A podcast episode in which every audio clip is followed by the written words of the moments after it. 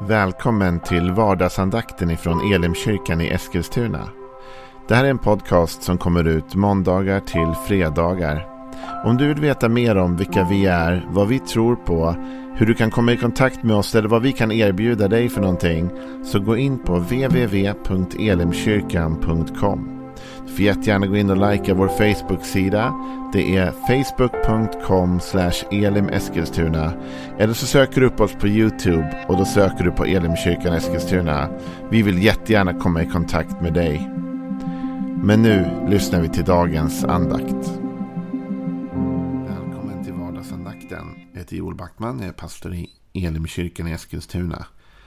Vi ska avsluta lite grann vår serie om bön och fasta. Vi har ju haft det i två veckor. Den här veckan och förra veckan. Därför att vi i Elimkyrkan då har haft en fasteperiod. Då vi har uppmuntrat upp, uppmanat anat våra medlemmar att gå in lite i bön och fasta lite extra. Du kan läsa mer om hur vi tänkte kring det där på www.elimkyrkan.com. Idag vill jag ta med dig till vad jag tror kan vara ett av de stora syftena med fastan faktiskt. Och det handlar väldigt mycket om prioriteringar. Och Vi ska läsa en bibeltext som i sig själv kan vara lite lurig att förstå kanske. Men jag tror att när vi sätter ihop allting så ska det klarna. Matteus, det tolfte kapitlet. Och från den 46 versen så står det så här. Medan Jesus ännu talade till folket stod hans mor och hans bröder utanför och ville tala med honom. Någon sa till honom, din mor och dina bröder står här utanför och vill tala med dig. Han svarade, vem är min mor och vilka är mina bröder? Han räckte ut handen mot sina lärjungar och sa, här är min mor och mina bröder.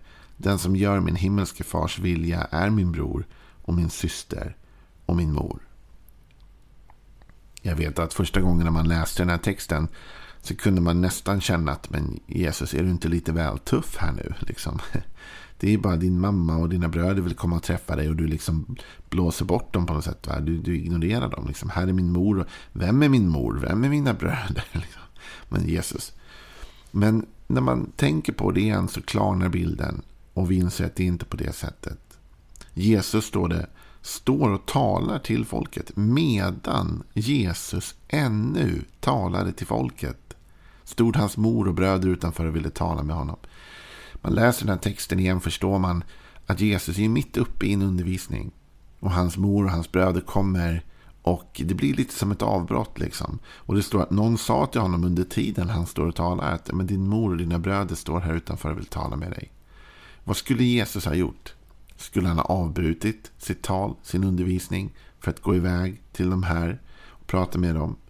Jesus, när vi läser Bibeln ser vi att han bryr sig verkligen om sin mamma och sina bröder. Det är inte så att Jesus inte tycker om sin familj. Faktum är att på korset, bland det sista Jesus gör, är att se till att det finns någon som tar ansvar för hans mamma. Och Jesus var ju uppfostrad i den här judiska traditionen. Han var väl införstådd i att hedra sin fader och sin moder. Det finns inget upproriskt i Jesus mot sin familj. Men det är just detta att han just nu behöver prioritera. Han står mitt i ett tal som är viktigt. Han undervisar folket och hans familj kommer in och stör det. Och han säger nej, jag har inte tid med det nu. Egentligen det Jesus säger, ni måste vänta. Jag har just nu mitt uppdrag jag håller på med. Det här är min kallelse. Vad jag tror fastan gör med dig och mig, det är att hjälpa oss prioritera. Under en fasteperiod, oavsett om vi plockar bort mat eller vi plockar bort saker som tar tid eller vi ändrar beteenden, vad vi än gör under en fasteperiod så är det någonstans detta vi gör. Vi prioriterar. Vi väljer ut vad som är viktigt. Under den här fasteperioden i Elimkyrkan så har jag tagit extra tid till att läsa andlig litteratur. Jag har plockat upp en del böcker och läst. Och vet du vad? När man är i den plats i livet där jag är just nu. Där man har mycket med jobbet. Jag har snart en bokrelease här på gång och allt som händer i kyrkan. Och så har jag familj, jag har flera barn och barnen har varit sjuka under de här veckorna och så vidare. Du vet, när allt det där kommer samman så har man inte så mycket tid. Utan tiden är uppbokad. Och att säga så här, ja men sätt dig och läs lite mer. Det finns inte att få in. Om man inte gör ett val. Och därför har fastan den här tiden också varit en tid av val för mig och prioritering. Det är viktigt att jag växer andligt. Det är viktigt att jag söker Gud och söker mer kunskap. Det är viktigt att jag tar tid att läsa så jag har frigjort tid till detta. När jag skrev min bok om generositet för många år sedan, eh, inte så många år sedan men några år sedan, så fick jag en insikt om det där med givande och generositet. Och det var ungefär så här. Vem är generös? Är det liksom människor som föds med någon speciell gen som gör att de är mer givmilda? Alltså, det är klart att kanske en del människor har mer, eh, är mer benägna att vara generösa av naturen eller av social uppväxt eller vad det är. Men min insikt var egentligen denna. Den är generös som väljer att vara det. Det var det jag insåg. Att generösa människor är som alla oss andra. Bara det att man väljer att vara generös. Och vet du en sak? När det gäller Gud så är det också mycket prioritering. Din och min tid, man kan säga, vem är det? Vem är en bedjare? Vem är någon som lever nära Gud? Faktum är att en bedjare är den som i sitt liv har gjort tid för bön.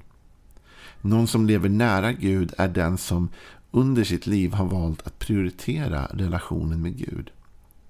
Och här vilar det faktiskt ett ansvar på dig och mig. Därför enligt Bibeln är Gud lika nära alla. Det är inte så att Gud prioriterar vissa människor mer än andra. Det är inte så att Gud har favoriter. Utan Gud älskar alla människor. Och Gud finns i någon mening nära alla människor.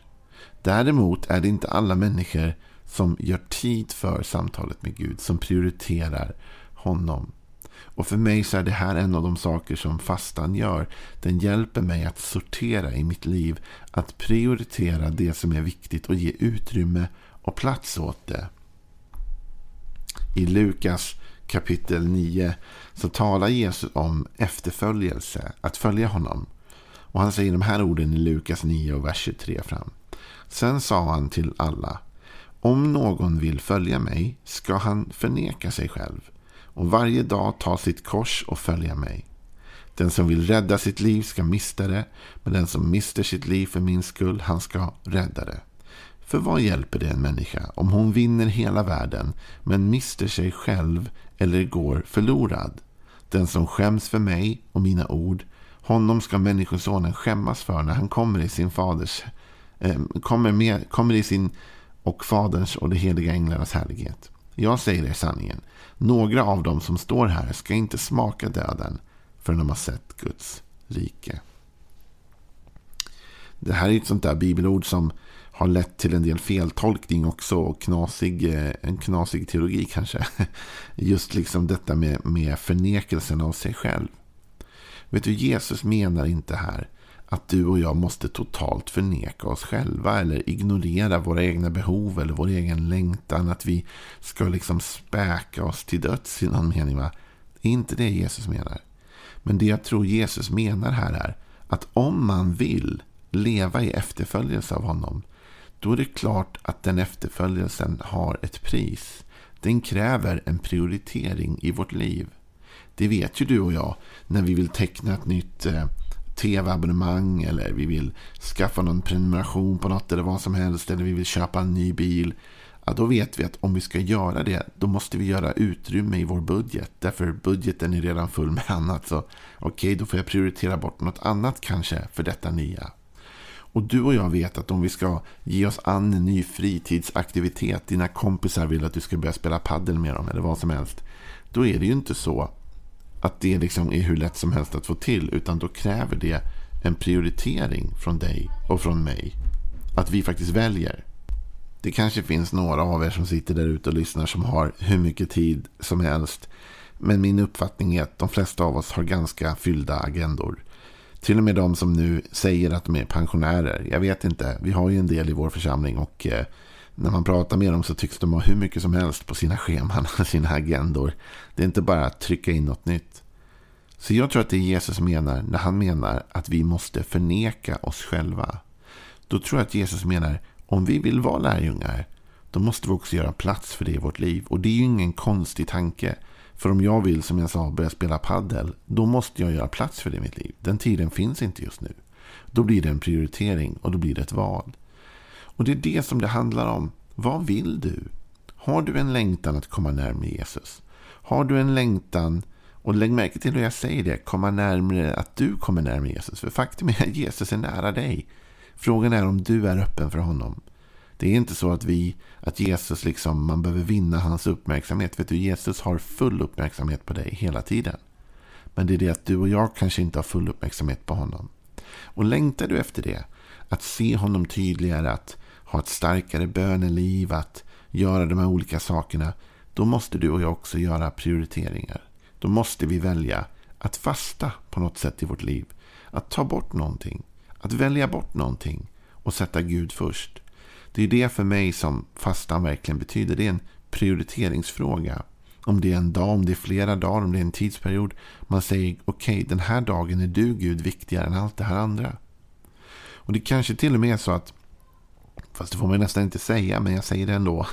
kanske är så att om du vill växa mycket mer i ditt andliga liv så kanske du måste plocka bort något annat ur ditt liv. Kanske måste plocka bort något annat fritidsintresse, någon annan grej som ligger där och tar massa tid för att frigöra tid för Gud. Du måste inte det. Det är inte så att du inte kommer till himlen om, om du inte ber mer. Har du tagit emot Jesus, ja, men då är du på väg till himlen. Men frågan är vilken kvalitet vill du att den här relationen ska ha? Och är du beredd att offra någonting för den? Jesus sa nej till sina, sin, sin mamma och sina eh, bröder. Fast han älskade dem. Så sa han när de kom mitt i fel tidpunkt när han stod och undervisade. Så sa Jesus det är inte läge nu, jag kan inte prata med er nu. Det här är viktigare. Och sen så vet vi att han älskade sin mamma och tog hand om sin mamma. och Allt det där, det inte, handlar inte om det. Och det handlar inte om att du inte ska få ha eller göra roliga grejer eller ha fritidsintressen. Ha allt det där. Men var medveten om att det är en prioritering som du och jag gör hela tiden. Vad som är viktigt i vårt liv. När någon säger att oh, jag skulle vilja läsa mer andlig litteratur, jag har bara inte tid. Så är det en sanning med modifikation. Du väljer att inte ha tid att läsa andlig litteratur för troligtvis hinner du som jag kolla på en del Netflix-serier och en del andra grejer. Så att tiden finns. Frågan är vad du gör med din tid. Och det här är ingen domedagsandakt. Det här är inte för att trycka ner någon. Utan det är bara för att säga till dig och mig så här. Vad vill vi? Och vill vi längre. Då måste vi också vara beredda att offra någonting för det. Jesus han tar ett eh, annat sånt exempel. Eller det står om ett sånt exempel i, i Lukas 9 fast längre fram. Vers 57 står det. Medan de vandrade fram, vägen fram sa någon till honom. Jag följer dig vart du än går. Och Jesus svarade honom, rävarna har lyor, himlens fåglar har bon, men människosonen har ingenstans att vila sitt huvud. Till en annan sa han, följ mig. Och mannen svarade, Herre, låt mig få först gå och begrava min far. Och Jesus sa till honom, låt de döda begrava sina döda, men gå du och förkunna Guds rike. En annan sa, jag ska följa dig, Herre, men låt mig först ta farväl av min familj. Och Jesus svarade, den som sätter handen till plogen och sedan blickar bakåt passar inte för Guds rike. Det här är de här tuffa orden som vi ibland utmanar varandra med. Men det handlar inte om att alla måste ge allt hela tiden. Det är inte det det handlar om. Men de här tre exemplen visar någonting. Det finns ett pris. Alltså det man vill göra. Det här var tre personer. Det var inte Jesus som gick till dem och sa du måste. Utan det här var tre olika personer som kom till Jesus och sa jag vill. Och då sa Jesus okej, okay, men det kostar det här. Och då ville några av dem inte längre. Alltså det finns ett pris för efterföljelse. Det finns ett pris att liksom vandra med Jesus. Och vet du, Jesus älskade de här tre personerna. Och Jesus, det är möjligt att alla de tre är i himlen nu. Oavsett om de gick och gjorde som Jesus sa eller inte i det här läget. Men de missade chansen att göra det de egentligen ville. Därför de var inte beredda att betala det priset. Så jag vill utmana dig och mig. Jag hoppas att under den här fastetiden, fasteperioden, att vi har kunnat lägga bort saker i vårt liv till förmån för Gud. Och att vi kan fortsätta göra det.